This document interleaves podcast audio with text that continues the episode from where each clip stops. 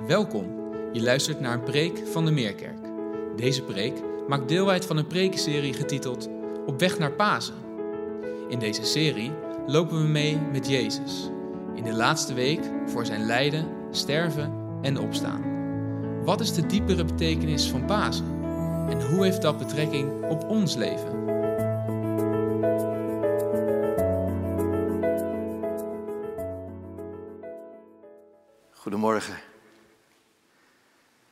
Zijn we al gezegend in dit eerste half uur. En ik kijk even naar ons muziekteam.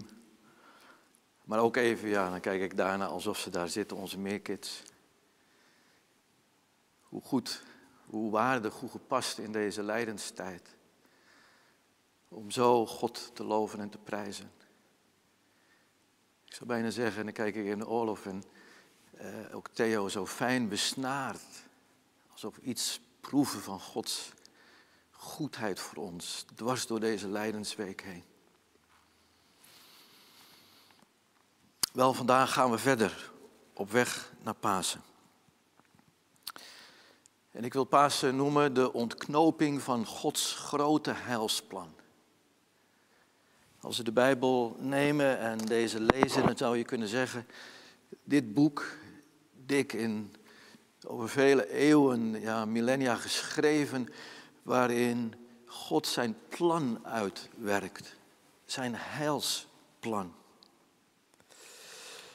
Nu, hoe verhoudt Gods plan zich tot ons plan als mens?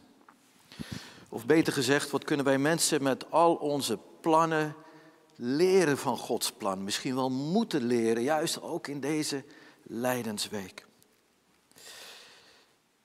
hoe werkt dat door in onze praktische levens van elke dag? Hoe we gaan en staan, hoe we ons leven inrichten. Waar we ons heil zoeken om maar even die uitdrukking te gebruiken. Afgelopen week kwamen we als staf bij elkaar om te spreken over de komende halfjaarplannen. Dat zijn de plannen vanaf Pasen tot begin september straks het nieuwe seizoen. En wat hopen we dan weer bij elkaar te kunnen komen. En toen we daar met elkaar over nadachten, zeiden we ja, maar eerst Gods woord. Eerst Gods plan. Wij willen ons plan als het ware leggen in Gods handen en zeggen, Heer, we bidden dat u ons geleid hebt en wilt u ons ook in deze besprekingen weer leiden, want wij waren ons bewust van de tekst die als eerste op het scherm verscheen van die presentatie over de jaarplannen. De tekst namelijk uit Spreken 19, vers 21. Daar staat, een mens maakt allerlei plannen. Wat wordt uitgevoerd is het plan van de Heer. Wijze woorden van Salomo. Van toepassing op ons leven. Niet alleen als kerk, maar ook ons leven van alle dag als volgelingen van Jezus. Welke plannen we ook maken, mag het nooit zijn zonder Hem daarin te betrekken van begin tot eind en alles daartussen. En daarom konden we niet anders, zoals we altijd doen bij elke vergadering en elk samen zijn, maar misschien nog wel meer bij dit samen zijn rond onze halfjaarplannen. We konden niet anders dan in gebed gaan. Gods woord openen, gebed en dan pas spreken over onze plannen. Zodat we in alles onze ogen gericht zouden hebben. Niet op onszelf, zelfs niet ook op de kerk, maar onze ogen gericht op onze Heer Jezus Christus. Zullen we ook nu een moment stil worden. En misschien bidden dat we onze ogen op Hem zullen houden en niet afgeleid zullen worden in het komende half uur. Heer, als het zo waar is dat wij plannen kunnen maken, maar dat uiteindelijk wat gebeurt, het plan is naar uw wil, uw weg. Dan willen we ook bidden dat in het komende half uur u ons vasthoudt in onze gedachten, in ons hart. Mogen we niet afgeleid worden, maar onze ogen kunnen richten op U, Heer Jezus. In het eerste half uur mochten we dat al zo doen, in prachtige liederen. In een gebed wat zo tot ons hart sprak. In het getuigenis van onze meerkids. Maar doe het ook, Heer, in het komende half uur. Trek ons naar U toe, opdat U verhoogd wordt, zoals we gezongen hebben. En onze ogen op U gericht zullen zijn. Dat bidden we in Uw naam, in Jezus' naam. Amen. Amen. Nu, vandaag is de laatste zondag voor Goede Vrijdag. Het is al genoemd, Patrick heeft het genoemd. En natuurlijk na Goede Vrijdag Pasen. De slaaf die naar het kruis ging, werd verhoogd en koning met Pasen, onze opgestane Heer. Nu, Patrick zei het ook al, uh, we hebben al gekeken naar Palmzondag en Palmpasen, terwijl het in de kerkelijke agenda eigenlijk vandaag Palmzondag is, aan het begin van de Leidersweek. Het is het begin van die week waar Jezus met Hosanna werd binnengehaald, maar spoedig zou dat Hosanna omslaan in het kruisigt hem. We doen mee met de kinderen van de Meekids en daarom hebben we Palmzondag al achter ons. Patrick noemde dat ook. En zijn we inmiddels beland bij dat moment waarop Jezus wordt overgeleverd. Hij is verraden door Judas met een kus in de hof van Gethsemane. Petrus heeft Jezus kort daarna, eh, s'nachts bij het vuur in de binnenplaats verlogen tot driemaal toe. En nu is aan het begin van een nieuwe dag het moment gekomen waarop Jezus voorgeleid wordt om berecht te worden. Laten we luisteren naar een vrij lang gedeelte en, en mogen daar ook de aandacht bij houden. Uit Lucas 22 te beginnen bij vers 66 uit de NBV-vertaling. En Patrick zal ons deze woorden lezen. Toen het dag werd, kwam de raad van oudsten van het volk bijeen, hoge priesters zowel als schriftgeleerden, en ze leidden hem, Jezus, voor in hun raadzitting. Ze zeiden, als u de Messias bent, zeg het ons dan. Maar Jezus antwoordde: Als ik het u zeg, gelooft u mij toch niet. En als ik een vraag stel, antwoordt u toch niet. Maar vanaf nu zal de mensenzoon gezeten zijn aan de rechterhand van de Almachtige. Toen zeiden allen: U bent dus de zoon van God. En hij antwoordde: U zegt het dat ik dat ben. Ze zeiden, waarvoor hebben we nog getuigenverklaringen nodig? We hebben het immers zelf uit zijn eigen mond gehoord. Ze stonden allen op en leidden hem voor aan Pilatus. Daar brachten ze de volgende beschuldigingen tegen hem in. We hebben vastgesteld dat deze man ons volk van het rechte pad afbrengt en de mensen ervan weerhoudt belastingen aan de keizer te betalen. En dat hij van zichzelf zegt de Messiaanse koning te zijn. En Pilatus vroeg hem: Bent u de koning van de Joden? En Jezus antwoordde: U zegt het.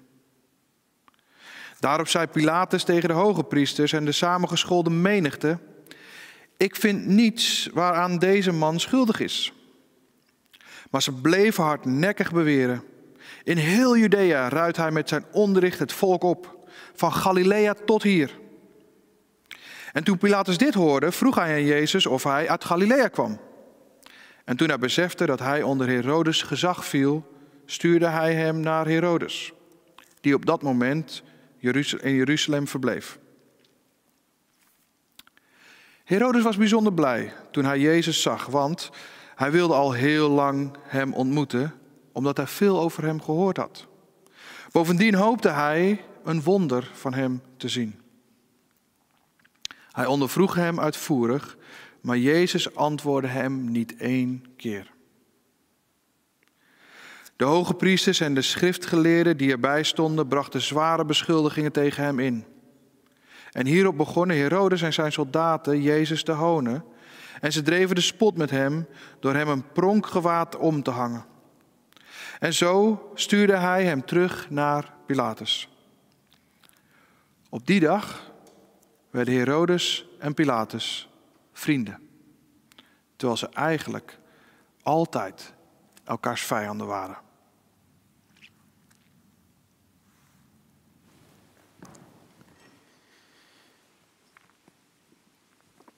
De tekst van overdenking. Vanmorgen twee keer. En ze leiden hem voor. Ze leiden hem voor. Hem is Jezus.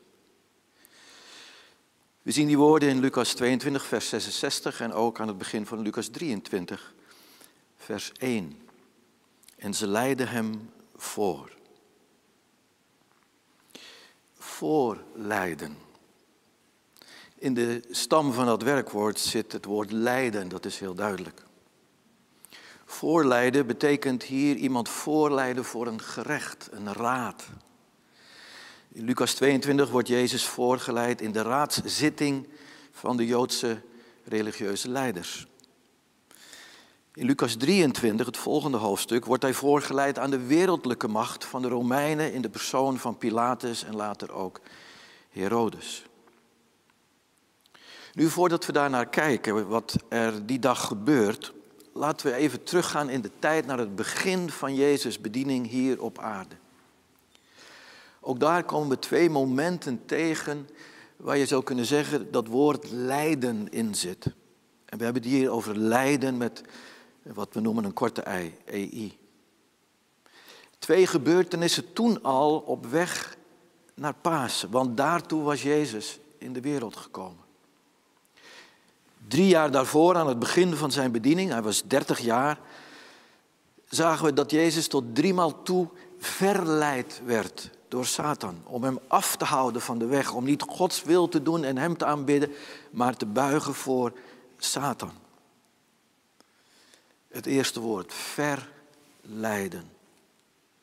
En Jezus weerstond de verleiding tot driemaal toe door zich te beroepen, niet op zichzelf, niet op eigen kracht, maar op Gods woord en Gods wil, Gods heilsplan. Veel later, aan het, bijna tegen het einde van die drie jaar, wanneer Jezus voor het eerst gaat spreken in, in de intieme band met zijn discipelen over de weg die hij moet gaan naar Jeruzalem, om daar te lijden en te sterven, maar ook geeft hij al een doorzicht door Goede Vrijdag heen, want ook Pasen zal komen. Hij zal opstaan uit de dood. En dan is het niet Satan, alhoewel Jezus in de woorden van zijn vriend Petrus wel de woorden van Satan herkent, maar dan is het Petrus die Jezus probeert af te leiden. Waar zijn oog gericht is op Jeruzalem, gericht is op het kruis. Daar trekt Petrus hem weg, bestraft hem en zegt, dat mag niet gebeuren. Van die weg wil ik je afleiden. Niet die weg. En zo zien we verleiden afleiden. En nu zijn we vanmorgen gekomen op dat derde woord, voorleiden.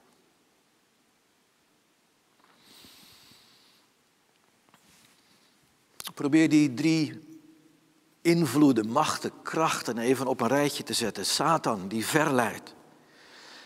Wij als volgelingen van Jezus die ons laten afleiden en misschien ook wel Jezus willen afleiden om de weg te gaan die hij moet gaan naar ons vlees. Want ons vlees is niet gericht op de dingen van de geest. We hebben net onze preekserie over de vrucht van de geest gehad.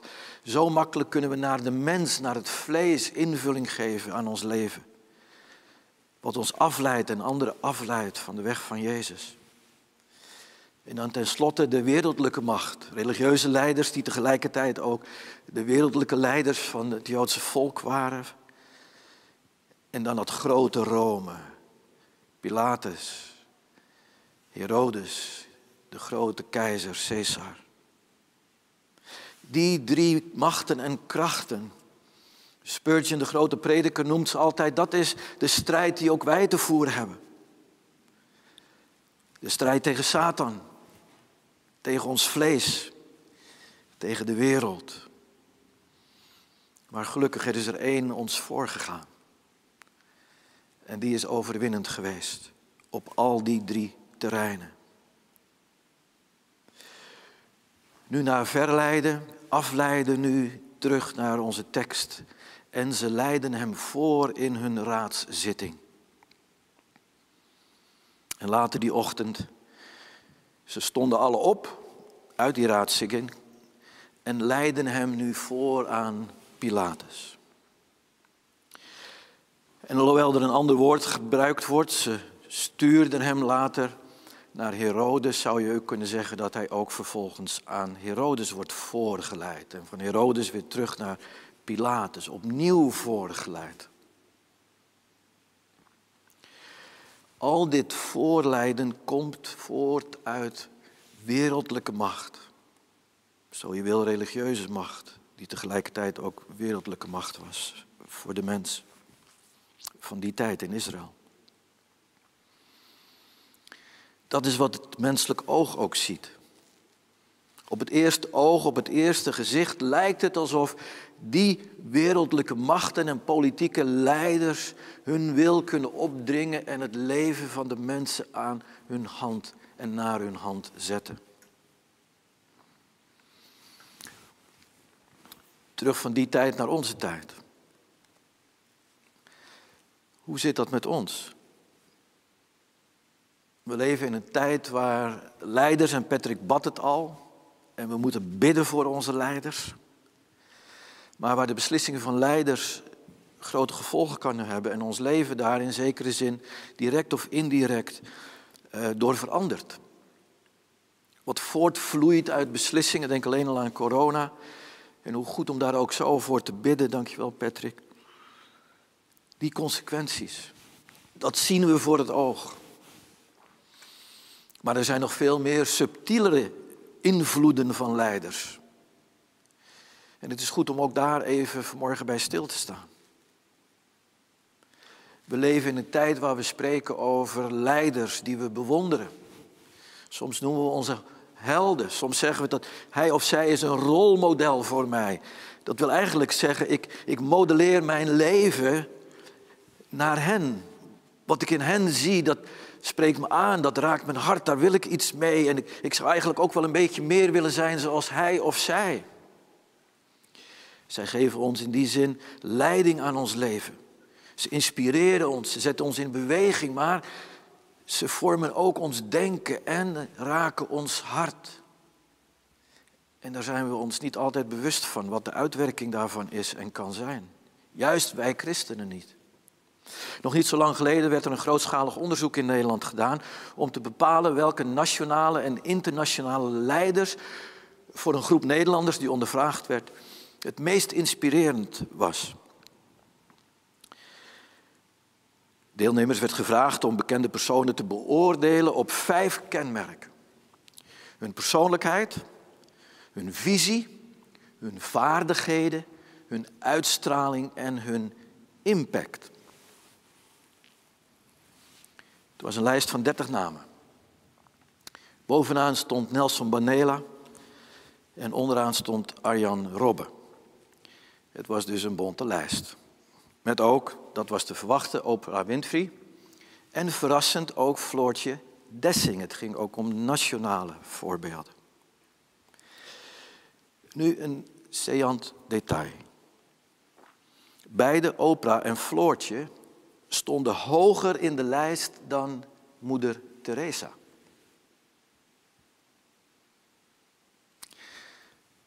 Wat zegt dat ons in deze tijd die lijdenstijd is, waar de zoon van Gods slaaf en dienaar werd? Wat zegt het over ons als zij, ze stond op nummer 15 van de lijst van 30, en voor haar Oprah en Floortje staan. Nu interessant in het rijtje was van criteria, van kenmerken, was de visie van deze leiders. Dat heeft dus alles te maken met wat zij uitdragen, wat zij voor ogen hebben, waar ze voor gaan, wat hen s morgens doet opstaan, wat hun hart doet tikken.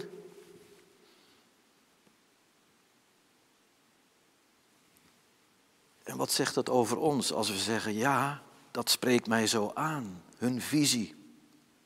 Hoe zij in het leven gaan en staan. En als je dat bewondert, dan zegt het ook iets over jouw visie, jouw kijk op het leven. Misschien wel waar jij s morgens voor opstaat.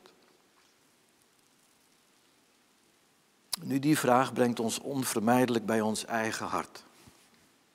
Wat zouden wij geantwoord hebben? als wij mee hadden gedaan aan dat onderzoek. Welke leider bewonderen wij? Zouden we stiekem in ons hart eigenlijk wel een beetje willen zijn? Nu, als er één moment is in het kerkelijk jaar, dan is het deze week om ons die vraag te stellen in het licht van onze Heer Jezus Christus. En zijn visie, die de hemel verliet God zijnde. al de hemelse rijkdom en arm werd als een slaaf voor ons, trouw tot in de dood. Waar had hij zijn hart op gezet? Wat was zijn visie? Wat wilde hij nastreven? Waar kwam hij die bewuste dag zijn bed vooruit? De dag van de overlevering. De dag van het voorgeleid worden. De dag, de culminatie van de Lijdensweek. Hij kwam niet om te lijden, maar om te dienen. Zoals hij dat gedaan had vanaf dag één. Dwars door de dood heen gaf hij zich. Omdat hij wist voor de vreugde die voor hem lag, de verhoging, namelijk de ontknoping van Gods heilsplan in de opstanding van de dood met Pasen. Nu, als het in deze week op aankomt, in die laatste dagen naar Goede Vrijdag toe, dan is de vraag, is Jezus voor ons een voorbeeld? Oh ja, hij heeft het werk gedaan. Het volbrachte werk is van hem, niet van ons. Hij is de weg gegaan die wij niet konden gaan. Maar nu hij die weg gegaan is, zegt de schrift, is hij onze leidsman en voleinder van het geloof. Nu om te zien hoe de weg verder gaat die dag, laten we verder lezen Lucas 23 vanaf vers 13. Pilatus riep de hoge priesters en de leiders en het volk bij zich. En hij zei tegen hen: U hebt die man voor mij gebracht als iemand die het volk van het rechte pad afbrengt. Maar u weet dat ik in hem, toen, u, toen ik hem in uw bijzijn verhoorde, aan geen van de zaken waarvan u hem beticht schuldig hebt bevonden. En Herodes evenmin. Hij heeft hem immers naar ons teruggestuurd. Hij heeft niets gedaan waarop de doodstraf staat. Dus zal ik hem vrijlaten nadat ik hem heb laten gezelen. Maar ze begonnen met zijn allen luidkeels te schreeuwen. Weg met hem. Laat Barabbas vrij. En deze laatste was gevangen gezet wegens een oproer dat in de stad had plaatsgevonden en wegens moord. Pilatus praatte opnieuw op hen in omdat hij Jezus wilde vrijlaten. Maar ze schreeuwden het uit: Kruisig hem, kruisig hem. Voor de derde maal zei hij tegen hen: Wat voor kwaad heeft deze man dan gedaan? Ik heb niets gevonden waarvoor hij de doodstraf verdient. Dus zal ik hem vrijlaten. Dus zal ik hem vrijlaten nadat ik hem heb laten gezelen. Maar ze bleven luidkeels eisen dat hij gekruisigd zou moeten worden. En met hun geschreeuw wonnen ze het pleit. Pilatus besloot hun eis in te willigen. Hij liet de man gaan die wegens oproer en moord gevangen was gezet en om wiens vrijlating ze hadden gevraagd. En hij leverde Jezus uit aan hun willekeur.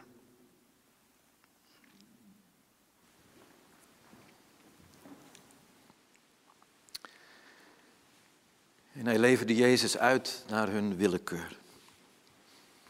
Wat een aangrijpende woorden in het laatste vers 25. Pilatus leverde Jezus uit aan hun willekeur. De willekeur van religieuze leiders en het volk dat daar verzameld was. De zoon van God, overgeleverd aan de willekeur van mensen. En we weten waar dat toe leidde. De doodstraf aan de Romeins kruis de ergste doodstraf die er was. Qua marteling en enorme pijn en benauwdheid. Om nog maar niet te spreken over de felle zon van het Midden-Oosten. Ze leidden hem voor nu om gekruisigd te worden. Vonnis was gesproken. De executie zou spoedig plaatsvinden.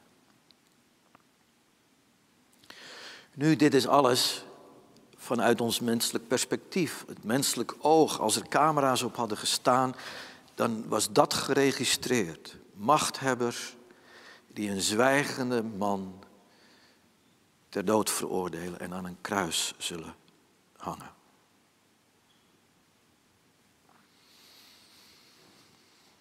Dat is wat leiders en machthebbers denken te kunnen doen. De wereldgeschiedenis, maar ook de lokale geschiedenis naar hun hand te zetten door God over te leveren en uit de weg te ruimen. Maar denk nog even terug aan waar we mee begonnen. Spreuken 19, vers 21. Dit is alles wat menselijke ogen registreren. Het lijkt of de plannen van de mens uitkomen. Het lijkt of leiders en machthanders, machthebbers alles naar hun hand kunnen zetten.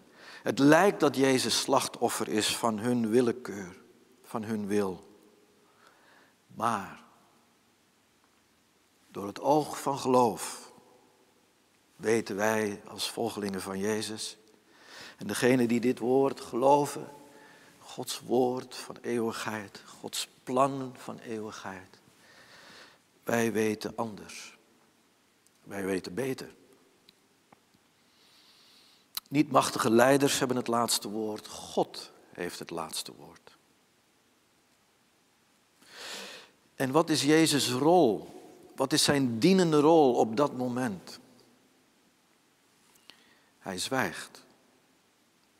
Hij zwijgt. Hij zwijgt. Bij het tweede verhoor, wat we zojuist gehoord hebben voor Pilatus, zagen we dat Jezus drie keer de kans had zich te verdedigen. Maar tot driemaal toe zwijgt hij. Driemaal. Dat is het volmaakt goddelijke getal, het getal van de drie eenheid. En wij proberen dat te begrijpen, maar vanmorgen hoeven we maar één ding te begrijpen. Wat drie eenheid betekent, dat ze één zijn naar Gods wil.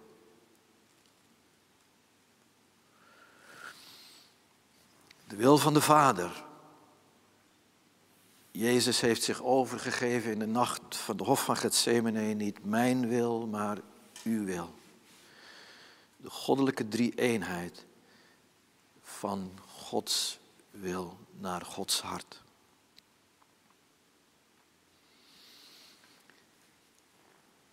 En dan lezen we overgegeven aan de wil van mensen. In het Grieks staat daar precies hetzelfde woord wat Jezus gebruikt toen hij die doodstrijd had kort daarvoor in de hof van Gethsemane en zich overgaf als tweede persoon in de drie eenheid aan God de Vader en bad, Vader niet mijn wil, maar uw wil geschieden. En het was nu precies om die overgave aan Gods wil dat Jezus zich niet wilde verdedigen en zweeg. En zweeg en zweeg.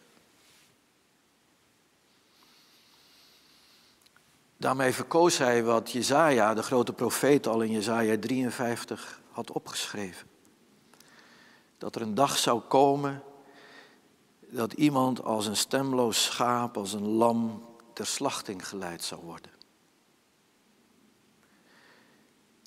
Jezus werd niet geleid, hij liet zich leiden als dat stemloze, willoze lam. Het lam van God, dat maar één ding wilde. Niet mijn wil, maar Gods wil. En daarom zwijg ik en geef ik mij over aan God en zijn plan. Nu als we zo de weg volgen vanaf het begin van de bediening van Jezus, die leidt tot deze laatste week, dan zien we waar Satan, en dat is nog even samenvattend, Satan hem wilde verleiden, Petrus hem wilde afleiden en machthebbers hem wilde voorleiden en uiteindelijk overleverde aan de willekeur van mensen, dat dat geen laatste woord is. God zelf is het laatste woord.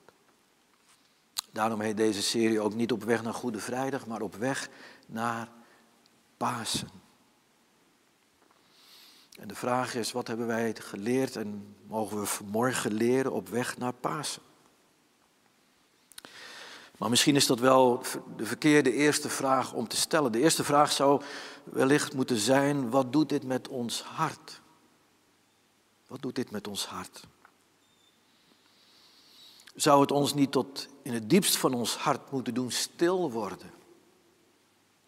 In verootmoediging om het grote wonder van Gods trouw, van Gods genade in zijn heilsplan, ons getoond door Jezus Christus.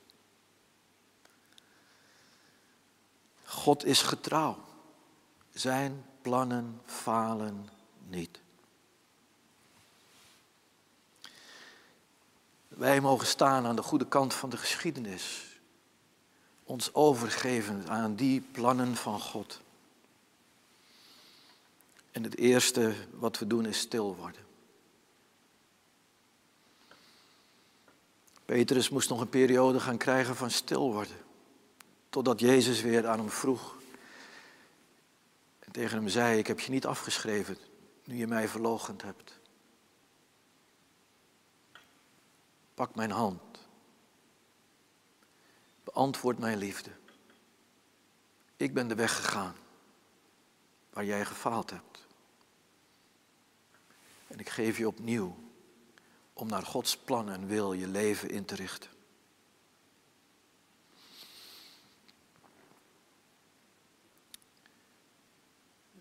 Nog even los van de avondklok die een uur later is, komende week. Zeiden we tegen elkaar, als we Goede Vrijdag nu een half uur later laten plaatsvinden in onze livestream, zullen we dan wel, zoals we dat altijd gewend zijn, al om half acht de livestream open doen, zoals we zouden doen hier in deze zaal, om weer stil te worden. Stil te worden voor dit grote heilsplan van God, waarin Jezus zich volkomen wilde overgeven tot in de dood. Dat is onze eerste reactie. Vandaag en ook straks Goede Vrijdag. Maar voor diegenen die toch zeggen, ja, maar ik wil ook nog iets meenemen om te leren. Laat ik dan terugkomen op dat onderzoek. Mag deze zondag en deze week en straks Goede Vrijdag en ook Pasen, als het ware de laatste week van ons samen optrekken in de preekserie, ons de vraag doen stellen, wie is nou echt onze leider? Welke levensvisie heb ik omarmd? Met wie zou ik me willen identificeren? Is dat een wereldlijke visie? Of is dat de visie van het geloof in Jezus Christus? Is dat opkijken naar degene die meer hebben en een rolmodel zijn? Kon ik maar zijn zoals zij? Of is dat Jezus Christus? de Franciscanen, die het woord van Jezus namen om arm te zijn in zijn naam, hadden een compleet ander wereldbeeld. Zij waren niet jaloers op de mensen die meer hadden. En dat was hun rolmodel. Zij waren jaloers op de mensen die minder hadden, die armer waren nog dan zij. Waarom? En moeder Teresa is daar het voorbeeld van. Omdat ze daarin het meeste van Jezus ervaarden. In wat Hij voor ons gedaan heeft. Op weg naar Goede Vrijdag en naar Pasen. Dat is ons reddingsplan. Te midden van alle plannen. Groot, klein, persoonlijk. Wat is jouw grote plan? Welke visie zit daarachter? Is dat je geven en overgeven aan Gods reddingsplan? Is Hij geworden de leidsman en voleinder van ons geloof? Een leidsman is een leider. Als jij de vraag zou krijgen, wie is voor jou een rolmodel? Zou je geen seconde hoeven na te denken als volgeling van Jezus. Er is er maar één met een hoofdletter. De leider, de leidsman en voleinder van mijn geloof. Weet je, dan mag ons leven iets reflecteren van de levensweg van Jezus op weg naar Pasen. Dan zullen we herkennen waar de verleidingen zijn van Satan. Dan zullen we herkennen waar onze menselijke, vleeselijke ambitie en wil ons wil afleiden van Jezus en in ons ook anderen afleidt. Dan zullen we zien dat waar we voorgeleid worden om afgewezen te worden en veroordeeld door de wereld, we geen witte voetjes proberen te halen in de wereld. Zoals Jezus niet de machthebbers een antwoord gaf, maar zweeg naar Gods wil. Ik moet denken aan, als ik de hele Bijbel net even noemde, het Gods heilsplan aan iemand die misschien voor ons een rolmodel zou kunnen zijn, omdat hij in het Oude Testament een type is van Jezus Christus. Het is Jozef. In zijn levensweg zagen we al een reflectie van de weg van Jezus naar Pasen. Jozef vertrouwde op God. Hij had een visie gekregen, een droom van God. Hij hield vast door geloof. Hij had als het ware iets uit de hemel ontvangen en wilde trouw zijn aan de hemel hier op aarde. En hij herkende de verleidingen. Hij herkende de afleidingen. En wist wat het betekend was om voorgeleid te worden en veroordeeld te worden tot de gevangenis. En als hij dan zijn leven beziet in Genesis 50, wat hem is aangedaan en hoe zijn leven gelopen is. En hij nu onderkoning is van Farao en zijn broers komen om hem te dienen en voor hem te buigen. Dan misbruikt hij die macht niet. En dan dient hij door een woord, wat een profetie is, van de dag die zou komen. Van de week die we vandaag ingegaan zijn. Wat jullie ten kwade gedacht hebben, heeft God ten goede gekeerd. Paulus zal later in Romeinen 8 in gelijke bewoordingen spreken over hoe God alle dingen doet medewerken voor hen die Jezus Christus kennen en geloven en zien als hun leidsman en voleinder van het geloof. En wat er dan ook in het leven gebeurt, dan kijk je dwars door wat je overkomt heen. Naar de vreugde die voor je ligt. Het deel hebben aan de verhoging in Christus Jezus. En daarom heel praktisch gezegd, welke mens ook welke plannen maakt, wat uiteindelijk uitgevoerd wordt, is het plan, ja het heilsplan van onze Heer. En na een eerste reactie van stille verootmoediging, mag er ook van ons een daad zijn. Ons leven leggen in de hand van die leidsman en voleinder van ons geloof. En onszelf overgeven aan zijn wil. Met al onze plannen, al onze ambities, al onze menselijkheid. Jezaja 53, over dat stemmeloze lam, wordt gevolgd door 54 en 55. En dan zegt de profeet daar, en daar wil ik mee eindigen. O volk Israël, als dit de weg is van de dienstknecht des Heren, hoe leef je? Hoe vul je je leven in? Waar spandeer je je tijd en energie en je geld aan? Kom, koop en eet. Bij mij. En dan zegt Jezaja 55, vers 8 en 9. Want mijn gedachten zijn niet uw gedachten. En uw wegen zijn niet mijn wegen, luidt het woord van de Heer. Want zoals de hemelen hoger zijn dan de aarde, zo zijn mijn wegen hoger dan uw wegen. En mijn gedachten dan uw gedachten. Zouden we die Heer ons leven niet toevertrouwen? Is dat na stille verootmoediging niet de enige daad die we doen, onze hand leggen in zijn doorboorde hand, die onze redding is? We gaan straks met elkaar een lied zingen. Het lied zongen we in deze kerkzaal als slotlied bij het afscheid van een van onze senioren, Jetty de Gier. Het slotlied is van de bekende Jacqueline van der Waals en heet Wat de toekomst brengen mag. Voordat we het zingen naar ons gebed, wil ik een paar dingen aanstippen uit die geloofsbeleidenis, want dat is het. Het spreekt over een visie op het leven. Het spreekt over een hart wat zich overgegeven heeft aan God. Ja, die Jezus Christus als leidsman en voleinder ziet van het geloof. Het lied begint met het werkwoord geleiden, waarin natuurlijk de stam herkend wordt van lijden. Het is een beetje archaïs oud woord, geleiden. Wat de toekomst brengen mogen, mij geleid des Heren hand.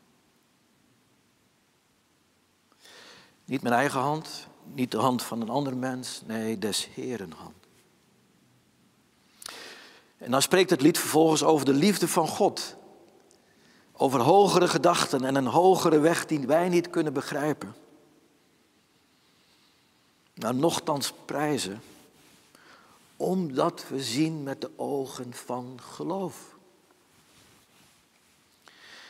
En dan eindigt het met een gebed. Een gebed over onze levensweg, over onze levensplannen, dat we die toch niet zelf eigenhandig zullen uitstippelen, maar ons zullen laten leiden naar Gods plan, naar Gods wil. Het laatste couplet wat we met elkaar straks horen en ik hoop thuis meezingen, zegt, laat mij niet mijn lot beslissen zo ik mocht, ik durfde niet. Ach, hoe zou ik mij vergissen als gij mij de keuze liet. Wil mij als een kind behandelen dat alleen de weg niet vindt. Neem mijn hand in uw handen en geleid mij als een kind. Zullen we samen bidden?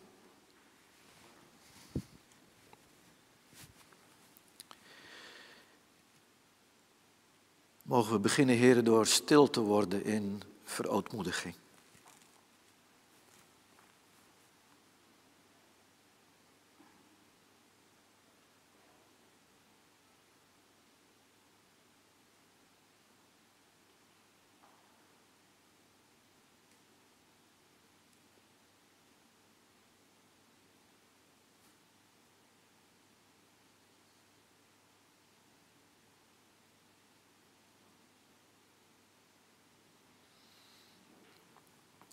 Als we dan stil worden, heren,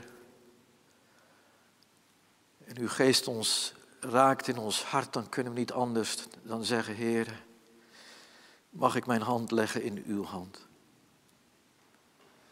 Mag ik me overgeven aan u, Heer Jezus, de leidsman en voleinder van het geloof, die voor ons de weg gegaan is en nu door zijn geest ons zal geven om inderdaad te wandelen in een nieuw leven met nieuwe ogen, zoals straks de dopelingen zullen getuigen.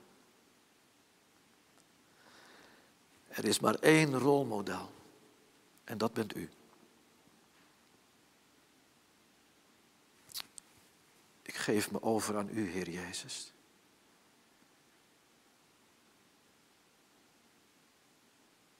Mogen we dat alles zo bidden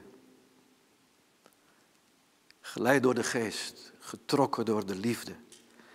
En mogen we zo ons leven nu leiden, wat de toekomst ook mogen brengen. Hoor ons zo. In de stilte en in de overgave. En mag het lied de onderstreping zijn van die stilte en die overgave. Tot eer van u. En als deel van uw grote heilsplan, waar wij ons aan mogen overgeven. In Jezus' naam. Amen. Amen. Fijn dat je hebt geluisterd. Voor meer informatie ga naar www.meerkerk.nl.